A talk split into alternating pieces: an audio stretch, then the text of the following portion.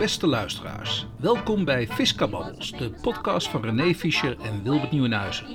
Twee rare fiscalisten die de fiscale waan van de dag bespreken. Dit is aflevering 6. Het is vrijdag 3 juni 2022.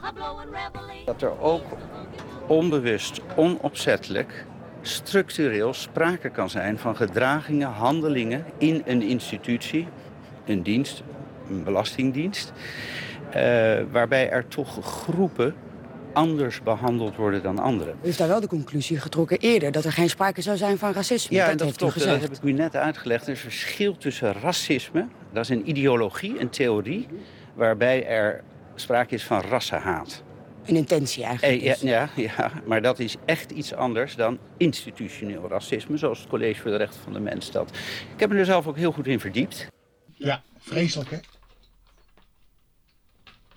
Ja, ja, dat is. Ja. Wat, wat moet je hier nou op zeggen? Ik bedoel, dit. dit... Zijn we al begonnen of... eh? Nou ja, ja, nu wel. Maar je, je hebt het geluidsfragment gehoord, hè? Ja, ik vind het eh, verschrikkelijk. Ik vind het eh, geneuzel en, en ik denk ook dat het bedoeld is om de burger gerust te stellen dat de Belastingdienst geen racistische organisatie is.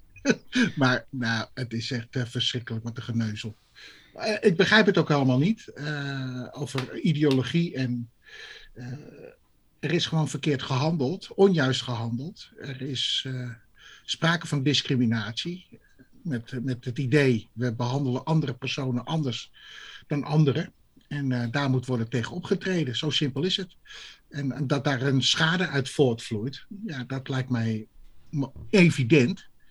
Dus eh, de mensen moeten eh, gecompenseerd worden. Ja, ja, maar, maar eh, jij denkt dat dit een, een opmaat is voor de schadevergoeding die eventueel kan volgen. Zeker. Ik bedoel, dat ze daar zo ingewikkeld beginnen te doen over definitie van racisme en Ja. institutioneel racisme. Ja. Ik Ja. vind het een. Ik bedoel, we zijn allebei jurist, maar Ja. dit Ja. is toch ongelooflijk Nee, wat hier eh, gebeurt? Ik bedoel, Precies. Ja. en, en Van Rij is toch zelf ook een jurist?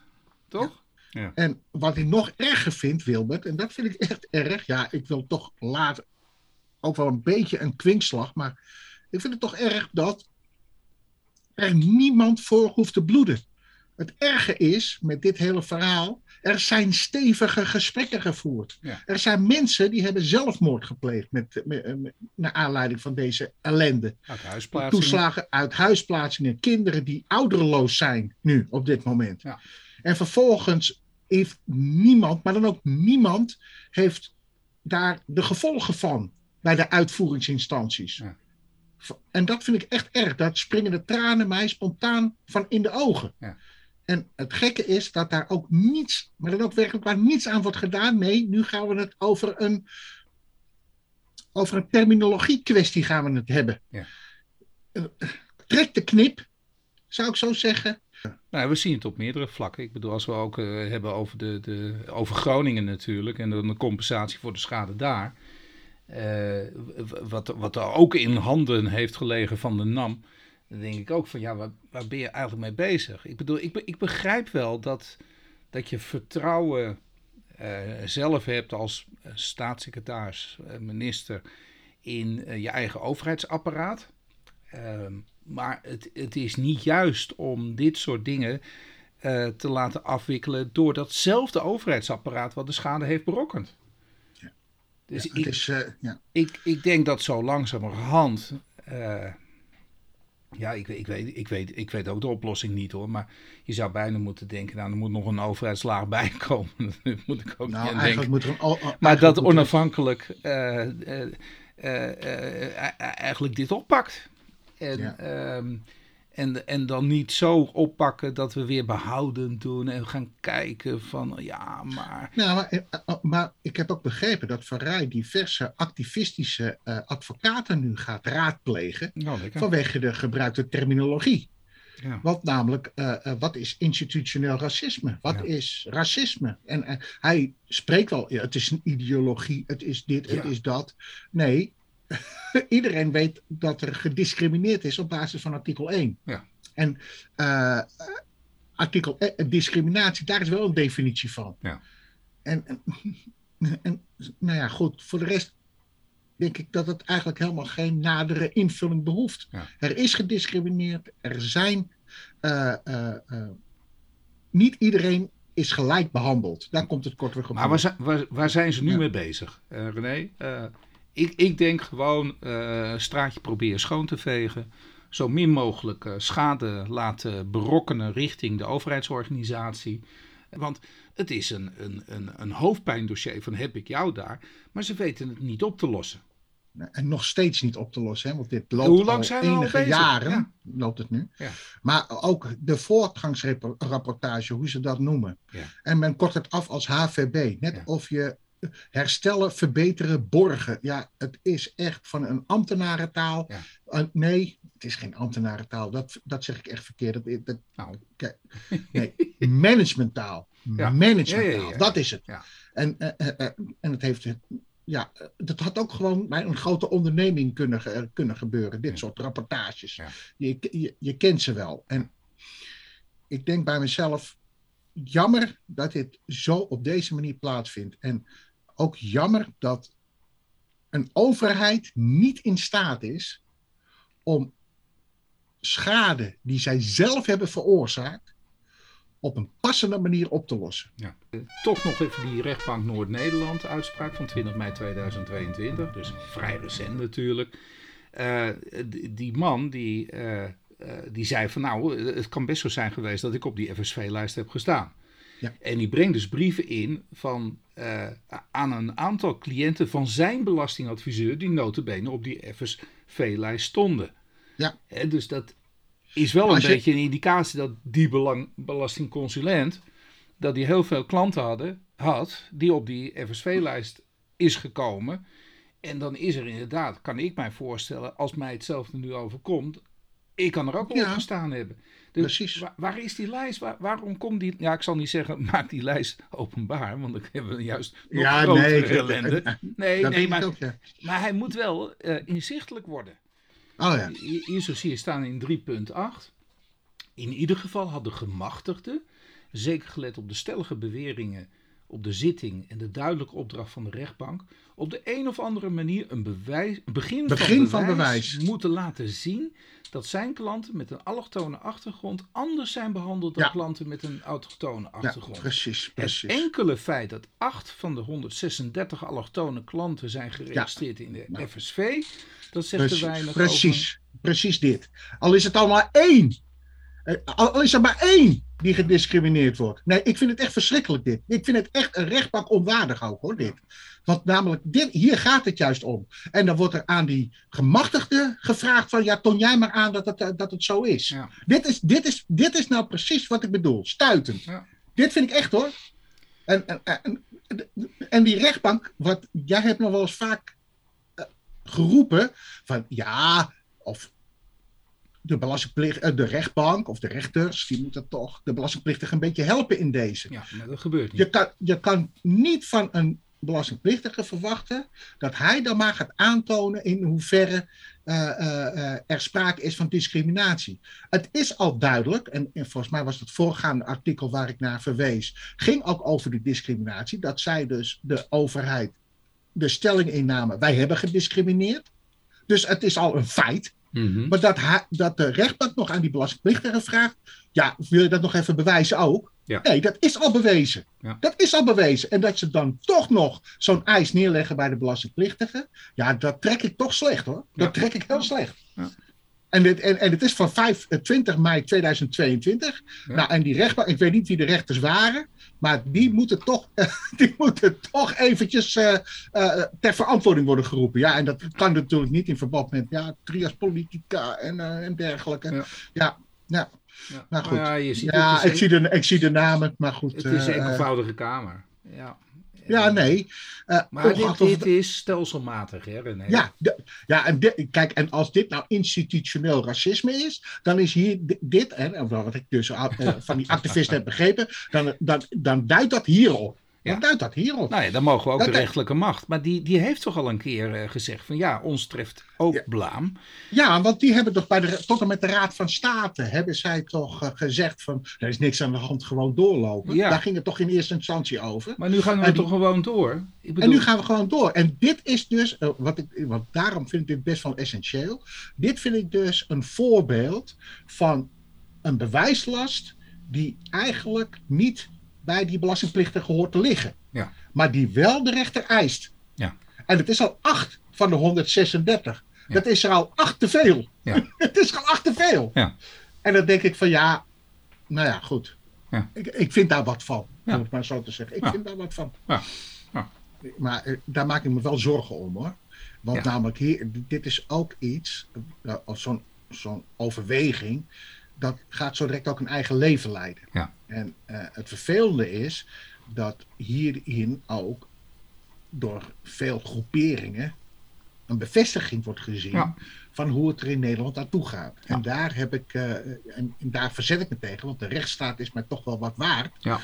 Eh, maar op, op het moment dus dat dit soort redeneringen worden verstrekt, dit soort overwegingen worden gegeven, Ja. ja, daar, ja, daar heb ik daar toch wel wat moeite mee. Ja. Oké. Nee, nee, daar heb ik ook heel veel moeite mee. Maar aan de andere, ja, natuurlijk, je, je, ja, kijk, ik, ik nogmaals, eh, maar ik, ik, ga, ik treed in herhaling. eh, de burger is gewoon eh, eh, tegen zo'n zo'n oppermachtige overheid als wij hebben, eh, is hij bijna machteloos.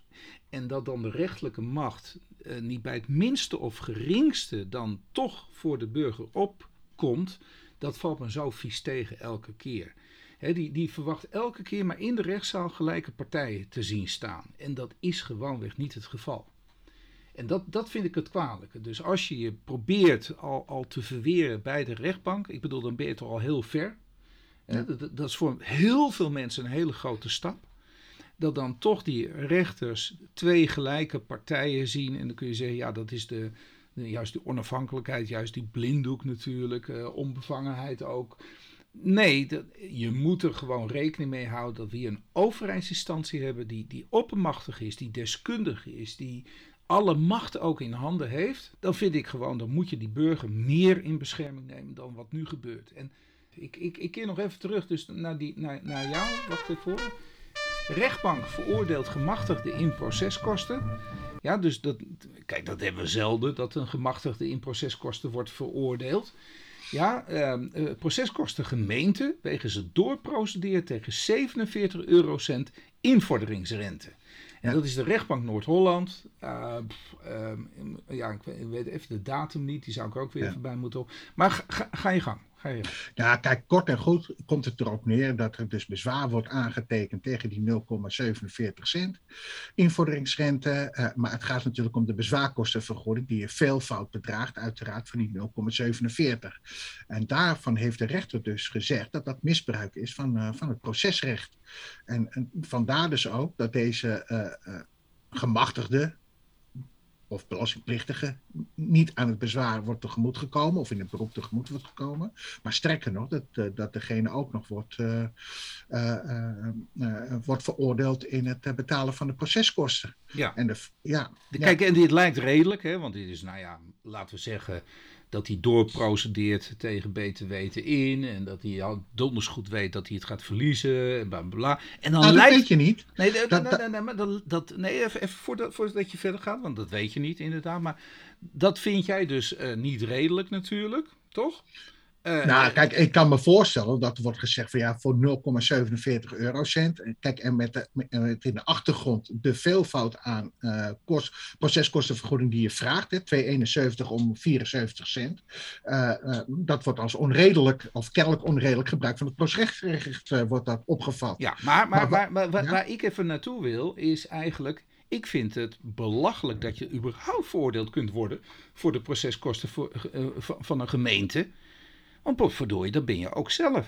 Ja. Dat, dat, daar, dat, daar zit, dat daar vind zit ik kwalijk. Want ik, daar zit hem natuurlijk ook de crux. Waar leg je dan de grens, wat van kennelijk onredelijk is? En wat. eh, eh, eh, Ja, maar die gemeenteambtenaar die al die kosten heeft moeten maken, althans, want het is alleen maar tijd die hier dan wordt vergoed. Die gemeenteambtenaar, die is in dienst van ons. Ja. En, en dat zou dus, als je daartegen in bezwaar komt, dan zou dat nooit wat mogen kosten. Dan mag je niet veroordeeld worden in de kosten. Vind ik. Nee. Ja, en dan zie ik hier deze uitspraak van de Hoge Raad van 28 uh, april 2022. Mhm. Geen kostenvergoeding voor denderonderzoek bij belastingadvieskantoor. Ik weet niet of je die gelezen hebt, maar uh, uh, hier wordt een belastingadvieskantoor, die, die krijgt dus een uh, verzoek, tenminste een, een derdenonderzoek krijgt hij opgelegd. Er wordt een informatieverzoek wordt, wordt er ingediend om integrale correspondentie en alle overige correspondentie, voor zover niet zijnde louter belastingadviezen, dan wel met andere aangaande de genoemde vennootschap om die uh, ter inzage te leggen, dus te overleggen. Nou, dat voor zijn kosten gedaan. Ja. En, Uren wordt eraan besteed. Uh, behoorlijk, want ik bedoel, het hele dossier uh, moet personeels, doorgaan. Ja, ja, en dat personeel had ook voor andere kwesties kunnen worden ingezet. Voor, ja. En die wel een, een uurtarief in rekening kan worden gebracht. Ja. ja. Nou, de, dus je zult begrijpen dat het belastingadvieskantoor wat dit uh, verzoek krijgt, ja, die begint zich te verzetten. Die zegt hallo, ho, ho. Vervelend dat uh, in dit, deze situatie de Belastingdienst zich zo formeel opstelt dat zij zeggen van joh, geen kostenvergoeding, want het vloeit voort uit de wet. En jij moet maar uh, aan deze wettelijke verplichting voldoen in het kader van het derde onderzoek. En ik, nee, en ik vermoed ook dat de uren die daaraan besteed moeten worden erg veel zijn. Ja. Om zeg maar de juiste gegevens te verstrekken of Ja. aan het verzoek te voldoen. Ja. En dan vind ik het heel gek dat daar niet iets van een tegemoetkoming is. Maar nu zie je dat ook de Belastingdienst dit gaat gebruiken, waarbij dus de, de, de eh, opvragende partij, de gevraagde partij, eigenlijk wordt gebruikt als een soortement van Belastingdienst zelf. Hè? Wat, wat zij dus niet in het archief hebben, wordt bij die derde opgevraagd. Maar En- ik, ik moet wel mezelf corrigeren. Het was niet een uitspraak van de Hoge Raad, maar een conclusie van de advocaat-generaal. Ja, het moet nog komen. Ja, dus... eh, Maar ik, vermoed dat de, maar ik vermoed dat de Hoge Raad zegt, ja, er is geen wettelijke basis daarvoor. Dus eh, ja, helaas pindakaas. Nou ja, dan kijk, een aantal podcasts geleden hadden we het ook al over die bankkosten die aan ons in rekening worden gebracht. Precies, Nou, precies. die- dat heeft er ook allemaal mee te maken. Dus je ziet ook een verlegging gewoon van, van de overheid, die in zijn, nou ja, ik zal niet zeggen gemakzucht, maar, maar, maar verplichtingen lekker gaat opleggen aan het bedrijfsleven om maar, maar eh, zoveel mogelijk informatie te gaan verstrekken. Ja. Ehm, en, en, en dit is dan onverwacht. Kijk, als je nou van tevoren nog weet van ik heb verplichtingen, administratieve verplichtingen, waar op basis waarvan ik moet rapporteren, zodat inderdaad ook nog eens een keer een wetgever kan toetsen.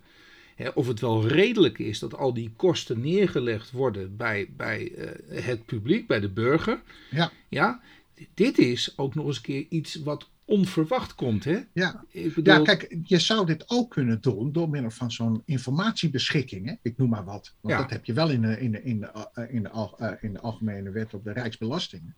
Heb je het eh, doen van een informatiebeschikking. En zo'n informatiebeschikking staat voor bez- bezwaar en beroep open. Ja.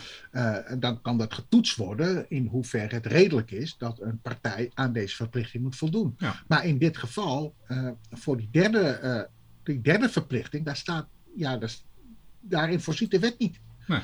Daarin voorziet de wet niet. Nee. Dus ik denk dat dat toch een koppeling kan betekenen. Dat je dat eh, aan die informatiebeschikking eh, koppelt. En zo'n informatiebeschikking voor de luisteraar, want anders dan wordt mij verweten dat Oh, het toch ja, weer te oh ja. technisch wordt. was ik weer vergeten. Een informatiebeschikking is eh, dat aan de belas- belastingplichtige eh, een verzoek om informatie kan worden gedaan.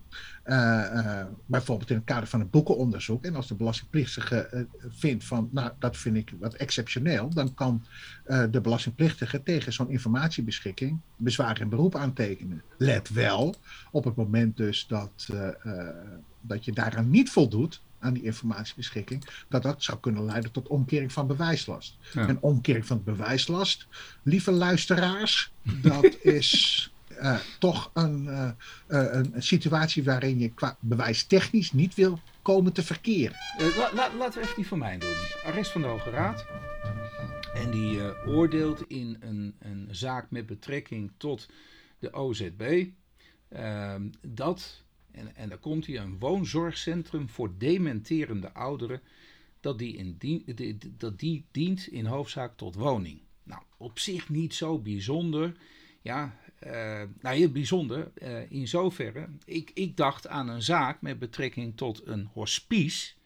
En dat had betrekking op de overdrachtsbelasting. En daarin, uh, ja, de hospice, dat pand, dat werd aangekocht. En toen ontstond de vraag, is dat nu een woning of niet? en een hospice, nou ja, ik, ik, dat, dat is daar waar, waar mensen die zijn opgegeven niet meer lang te leven hebben, hun laatste dagen doorbrengen. En dat is, ik, ik, ik, nou ja, laat ik zeggen, ervaringsdeskundig, omdat een familielid van mij, die is daarin opgenomen geweest. Het heeft niet lang geduurd, maar dat was verschrikkelijk mooi om dat mee te maken. Hoe dan toch iemand die niet meer zelfstandig kan wonen, uh, uh, toch nog in een soort huiselijke omgeving zijn laatste dagen, maanden, nou niet jaren dan, want het, het, betekent dat je maximaal ongeveer nog maar zes maanden te leven hebt. Uh, kan doorbrengen. En dat was voor mij echt wel een huiselijke omgeving, echt wel een woning. Het was ook echt ingericht als het woning. Het voelt ook als woning. Het voelt, het voelt ook als woning.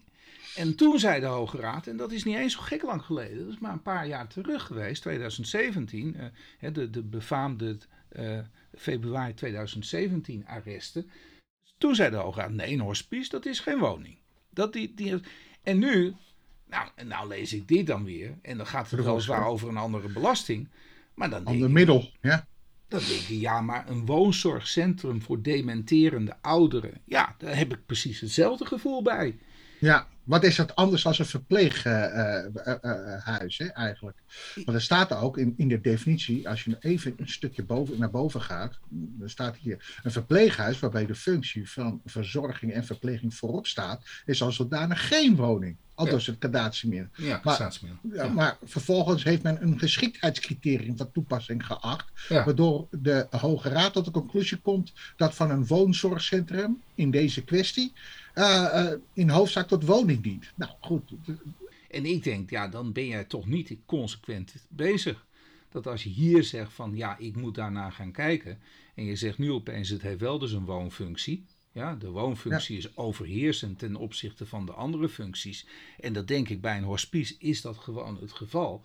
Dan snap ik dit niet. Nee. Ik, ik snap dit echt niet. Het, maar ja, uh, is nu dan de Hoge Raad om of zoiets? Hè? Nou, dat kan je natuurlijk ook nooit horen. Moet je ook weer nee, want dit, nee, ten eerste is het voor een ander middel. maar de vraag is ja. of er een, een, definitieverschil is tussen een woning voor de WOS en een woning voor de overdrachtsbelasting. Nou, dat mag toch niet? niet? Nee, dat lijkt mij toch ook niet? Nee. Ja, ja, ja. Hey, ander onderwerp. Je had in, uh, deze uitspraak, uh, Hof Arnhem Leeuwarden. Uh, ja. Erkend ja. kind heeft vanwege bloedverwantschap eveneens recht op kindvrijstelling en verlaagd tarief erfbelasting. Erfbelasting. Ja, dat vind ik toch wel een heel grappige. Ja, ja een, een, een kind waarvan dus de biologische vader. Uh, hij weet dat een biolo ja, hij is verwekt door de vader, ja. maar hij is niet erkend als kind, maar wel verwekt. Wel biologische vader. Ja, ja, en dat is duidelijk. En uh, vervolgens wordt, uh, krijgt hij toch van de biologische vader een bedrag toegeschoven in het kader van nalatenschap. Ja. En dan is de vraag. Ik vind het, weet je wat ik erg grappig vind? Ja. Bij vaststelling van de aanslag successierecht we hebben het over 2017. Ja. Dat zegt jou niks? Nee, nee, vertel even dan, hoezo? Nou, sinds 2000, maar ja, in ieder geval jaren geleden, hebben ja. wij geen successierecht meer. Nee, het is wel de wet op de successierecht, ja, maar, het is de aanslag, ja. erfbelasting. Ja, maar dit is een... je, hebt geen, je hebt geen successierecht meer, dat heb je niet meer. Dit is gewoon een fout van de samenvatter, punt. Oh, oh, nou ja, goed. ik bedoel, je, je, je, je, bent samenvatter, uh, je bent wat ouder... Oh, daar, daar heeft het mee te maken. Dat klopt inderdaad, ja. Maar even terug op de, uh, op de kwestie. Omdat hij niet als kind zou zijn erkend, ja. zou dat dus volgens de inspecteur betekenen dat er ook een derde tarief van toepassing uh, was. Ja. ja. daarvan heeft de rechter toch gezegd van nou, dat gaan we echt niet doen. Want namelijk een kind is gewoon een kind. En het volgt gewoon uit de wet dat een kind, ondanks dat er niet erkend is, want die over het erkennen van een kind wordt niet in de wet genoemd. Hè? Ja. Een kind is een kind. Nou goed, en dat dan toch de het uh, verwante tarief van toepassing is. Ja. Of ouder-kind tarief is van toepassing. Nee, de, de, hij had, of hij of zij, die had twee vaders. Want, ja, ja je hebt dus de biologische en de, uh, ja. ja, en zoals het wordt omschreven, de juridische vader. X, ja. X is op vijfjarige leeftijd door de huwelijkspartner van zijn moeder erkend en opgevoed. Oh, het is een hij. Hij heeft dus zowel een biologische als een juridische vader. En, en, en is dat dan het eierreten? Dat, dat, dat je niet twee keer mag snoepen van dezelfde... Ja, ja, ja, precies. Ik denk dat dat erachter zit. Dat je dus uh, op deze wijze twee keer in het uh, gunstige tarief zou kunnen vallen. Dus dat je twee erfenissen, of misschien wel vier erfenissen, zou kunnen krijgen. Hè? Want namelijk, ja... Ja, maar, ga je wel maar dat, ja, ja, maar kijk, ik, ik moet eerlijk zeggen, ja. uit ons erfrecht ja. is gebaseerd, ja goed, dan komt weer even de restgeschiedenis, op het Germaans recht. Oh, en het Germaans recht uh, is het uitgangspunt de bloedverwantschap. Ja. weet je, daar kan je weer van alles van zeggen. bloedverwantschap gaat voor alles. Hè? En ik vind nou, wel, wel dat... ver hoor, want ik, ik, ik meende altijd dat het Nederlandse recht gebaseerd was op het Romeinse recht. Nee, voor het erfrecht uh, is het echt toch wel een stuk, uh, stuk Germaans recht hoor, wat erin zit. Bloedverwantschap, ja, ja zeker. Ja. Ja. Uh, bloedverwantschap is sowieso is dat Germaans. ja. dat is ook het uitgangspunt geweest hè, van het erfrecht. Kijk maar naar het Koningshuis, dat is gebaseerd op het Germaans recht. Dus ja. nou. Nee, dat is. Dat, ja. nee, dat is gewoon Germaans. Hoor. Ja. Uh, maar goed, dat is, daar is ook ons erfrecht op gebaseerd. Maar ik vind dit wel een, een, eh, eh, een aardige toepassing hoor, van, uh, van Hof Arnhem. We zijn ook van, uh, van Dietsenbloed, toch? Dat, ja, nou ja, goed. ja, ja als je, als je, als je, je kan het nog zelf do zo ver doorvoeren, ja. Zelfs in dat volkslied. ja. Maar goed, mijn uitspraak, druk is, ja, uitspraak is van 1705. Ja. ja. Ja. wilde je nog eentje doen? Of, uh, had je nog... Nou ja, goed. Uh, ik weet niet of ik nog meer had verstuurd. Ja, ik, ik, ik heb geen flauw benul hoor. Het, uh... Oh, dat is het. Ja, die vond ik wel fantastisch. Oh, Kijk, ja, dat is die invul van die trustvraag. Oh. Kijk, in de aangifte inkomstenbelasting. Ja. En, Even, gaat weer over de Hoge Raad, hè? Hoge Raad ja, dat gaat toch echt de Hoge Raad. Ja. Uh, dus echt, best, was dat? Uh, nou, ook recent. Die moet heel deze, recent zijn. Ja, deze week, vorige week dus, denk ik. denk ik wel. Ja, Gok ik zo. Ja? Vorige week vrijdag, ja, denk ik wel. 27,5. Nou, kijk eens aan. Ja. Wat, wat, wat, zeg ik je? Nee? wat zeg ik je? Maar dit is wel een essentieel hoor. Uh, kijk, het, het, gaat mij niet zozeer dat je de, de, over, over die trustvraag, die dus uh, nu uh, wel of niet titel, wordt ingevuld. De titel, ja. die luidt niet invullen trustvraag is voldoende voor omkering bewijslast. Nou, ja. Nou mag je wel heel veel uitleggen even aan de luisteren, want omkering nou, van een bewijs. In een, in een aangifte inkomstenbelasting, of je dat nou elektronisch of handmatig doet, wordt er ook al een, een, een stel vragen gesteld. Ja. En een van die vragen luidt: bent u betrokken of betrokken geweest bij een trust? Een vinkje moet je zetten. En dan moet je een vinkje zetten als het ja is. Ja. In dit geval heeft de belastingplichtige dat niet gedaan. Ja, dat is het enige wat je hoeft te doen. Hè? Je hoeft voor de rest niks te doen. Dus als, okay, je, niet dus als, je, als je het niet aanvinkt, dan is het dus nee. Uh, ja, en, en als je het niet aanvinkt, dan is het dus automatisch nee. De, dat, ja, dan is het automatisch nee. Of wordt het opgevat als een nee. Als je het ja. niet invult, is het een nee. Okay.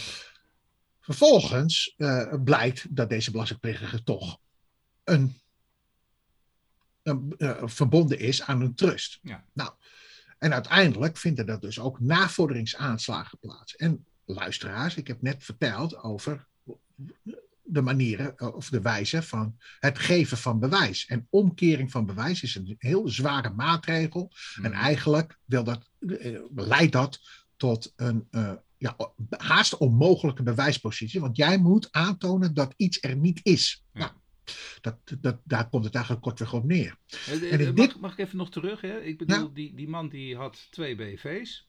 En hij had een limited ja, waarvan de aandelen indirect werden gehouden door een Panama Foundation, begreep ik. Ja, ja, foundation is niets anders dan een stichting. Ja. En het was altijd de vraag van wat is nou het rechtsgevolg als je iets niet invult? Ja. ja? En, en in dit geval leidt dat dus toch tot de omkering van de bewijslast. En dat betekent dus, want namelijk niet alleen de aangifte inkomstenbelasting heeft vragen in te vullen, maar ook de vennootschapsbelasting heeft vragen in te vullen. En dat is ook mijn tip al die vragen moeten toch degen worden nagelopen. En op het moment dus dat, dat er een wel of niet een, een, een, een, vraag is die bevestigd moet worden beantwoord, vul dat dan ook in. Want anders leidt dat dus kennelijk tot omkering van de bewijslast als je dat vinkje niet zegt. Ja. En dat is best wel een zwaar middel wat nu wordt verstrekt en, uh, door de Hoge Raad. Ja. ja. Dat is wel zwaar hoor. Ja, ja. Kijk, want in de wet vennootschapsbelasting heb je een hele trits van vragen. Dat is geloof ik anderhalve pagina. Uh, uh, en dat komt erop neer van heeft u afspraken gemaakt met de Belastingdienst tot heeft u, bent u verbonden aan een, nou ja, aan, aan een laag belaste deelneming en nou, meer van dat soort vragen. Ja. het is niet echt schokkend, want die man die heeft een uitkering van 2 maal 2600 euro ontvangen, toch? Ja, dat is, dat, is het, ja dat is het financiële uh, onderdeel van het verhaal. kijk, het gaat er niet eens om veel geld. Nee. Dat je dus, dus, dus, stel dus dat het om veel geld gaat, ja, dan heb je toch echt wel een probleem. Ja, ja. ja. Ja. En ja, toch gaat hij helemaal door. Dus de, wat, wat, wat zit hierachter? dat hij toch misschien in latere jaar nog veel hogere uitkering gaat krijgen? Mogelijk. Ja, je, maar dat zegt het verhaal niet, hè? Dat Ja. zegt het verhaal niet. Nou, maar dat is wel de achterliggende gedachte, een Ja. beetje ook. Ja. Ja. Ja. Ja, en, maar de essentie is, ook aan de luisteraars, let op Wat je invult. Ja, dat je het En goed wat je niet invult. Wat je niet En wat je niet invult, ja. Ja. Ja, want, want ook als adviseur, ja, eh, ook, dat, kijk, je hebt ook eh, in, de, in de boetesfeer heb je medeplegen enzovoort enzovoort, maar dat omkeren van de bewijslast is al, is al vrij ernstig hoor, als je daarin komt te verkeren. Ja. En ja, ik, eh, ik, ik heb daar veelvuldig ook belastingplichtigen van in kennis moeten stellen, ook als je aangiftes niet invult of niet inlevert. Ja, invullen, dat, dat kan wel, maar je moet ze ook indienen. Mhm. Hè? Dus, dus als je ze niet indient, dat het dan leidt tot omkering van de bewijslast. Ja, wat is dat nou zo erg? Ja. Ja, dat, dat, ja, jij moet dan aantonen dat je iets niet hebt. Ja. Dus je moet eh, zeggen van, joh, maar dat, die hoogte van het inkomen wat nu geschat is, dat heb ik niet. Ja. Ja, toon maar aan dat je dat niet hebt. Nou, en dat is eigenlijk best wel eh, vrijwel onmogelijk. En dan krijg je vaak het eh, criterium van het eh, absurde. En dan moet je daar maar je op beroepen dat zo'n inspecteur daarin mee. Nou, was niet zo'n leuke ja, uitzending dit keer, toch? Nou, we- nou, laat ik het zo zeggen. Het begin vind ik het eigenlijk. De, de- het eerste Ja. onderwerp vind ik eigenlijk wel de, de ernstigste. Institutioneel racisme. Dat, Maar volgens mij hebben we best wel leuke onderwerpen we- gehad hoor. oh jawel, zeker. zeker. Ja. maar het was niet zo lollig. Ik bedoel, het Nee, een beetje, nee, een beetje serieus. Een Beetje- beetje, ja. de, de, kwinkslag kon niet gemaakt worden. De grap en de grol, die, dat, dat ging even niet. Maar misschien eh, moeten we dat ook meer eh, als, als. Want dit was natuurlijk helemaal geen politiek, hè? En misschien inderdaad bij de politiek Nou. daar kunnen we ons er een beetje over vermaken, natuurlijk. Van jeetje, wat maakt de politiek er toch een lekker zootje van. ja, Nou, ja, kijk, maar ja, dit was natuurlijk een zootje vervelend iets. Met, met Ja. Ja, ja, met Van Rij, ja, ja. Ja. Kijk, en alhoewel ik. Als ik vind Van dat- Rij dat, hoor dat je het best wel goed doet hoor.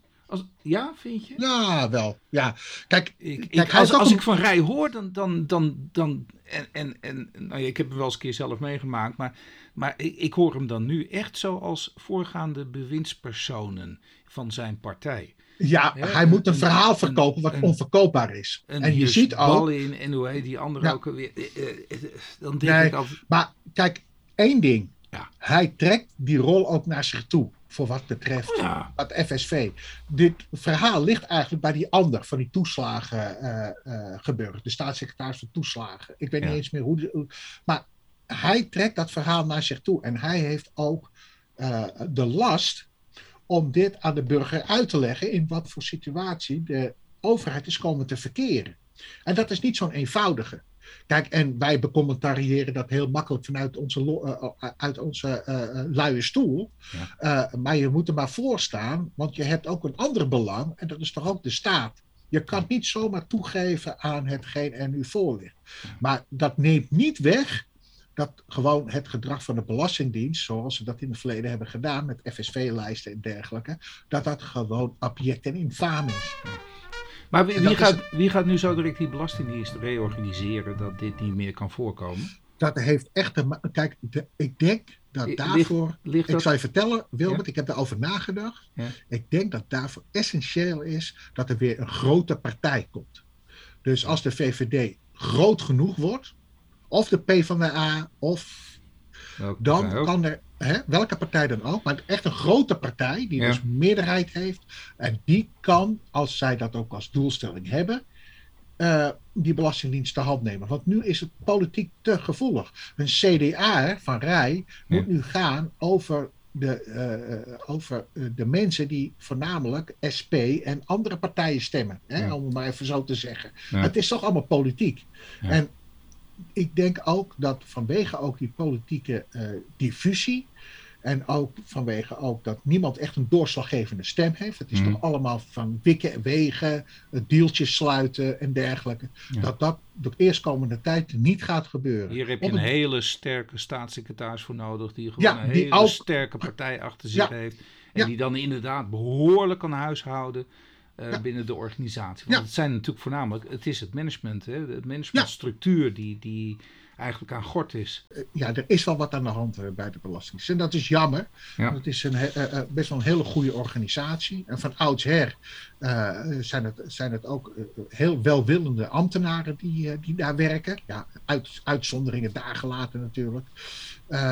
Eh, en we moeten het ook doen met z'n allen. Hè? Ja. Die belasting die moet gewoon geheven worden. Ja, op een Ja. of andere manier. Kijk, ik ben niet zo'n libertariër die zegt van ja, eh, belasting is diefstal. Ja, We hebben het ook ik- nog helemaal niet heb- gehad over, over de, de kennisdrain die, die al heeft plaatsgevonden. En die nog lang niet hersteld is. Ja. Eh, die zich zo direct gaat gevoelen. Dus we gaan nog die informatietechnologie problemen en de kennisachterstanden. Daar gaan we nog heel hard. Eh, Oh, daar kan ik nog wel een leuk voorbeeldje noemen over kwaliteit van, eh, van, eh, be- van de Belastingdienst. Ik, ik- nou, zullen we die dan voor de volgende keer Ja. als cliffhanger? Ah, ja, ja, wat, wat je, ik heb daar Waar, gaat het een over? Waar gaat het over? Nou, het gaat over de wijze van communiceren met de Belastingdienst. Oh ja, ja, ja. Oh, dat is dat artikel. Maar dat, dat, dat is het artikel dat alle brieven zoeken. Nee, niet alle. Veel brieven raken dus. nou, onder andere, maar ook de wijze van communiceren. Ja. en Maar zullen, we dat volgende week behandelen? Ik denk dat dat een eh, aardig idee is.